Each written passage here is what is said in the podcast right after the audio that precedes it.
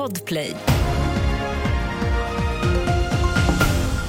Här är senaste nytt och vi börjar i USA där minst 22 personer har dödats i en massskjutning i Lewiston i delstaten Maine. Över 50 ska vara skadade. Den misstänkte skytten är fortfarande på fri fot. Thomas Kvarnkullen på plats i USA berättar vad vi vet om den misstänkte.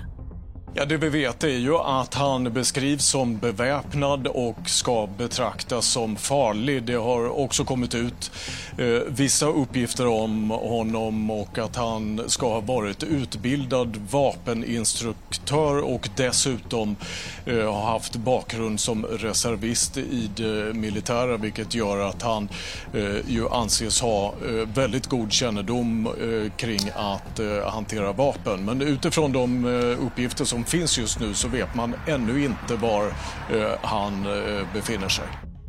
Och vi stannar kvar i USA för nu har Republikanerna till sist enats om en ny talman och det blev den konservative Mike Johnson. Han beskrivs som en stark Trump-anhängare, motståndare till aborträttigheter och homoäktenskap och han har gjort sig känd för sina försök att riva upp valresultatet 2020.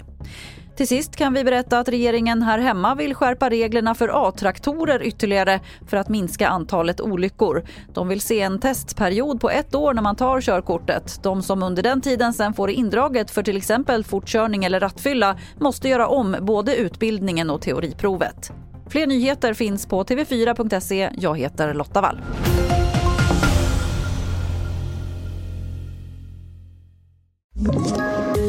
Poddtips från Podplay.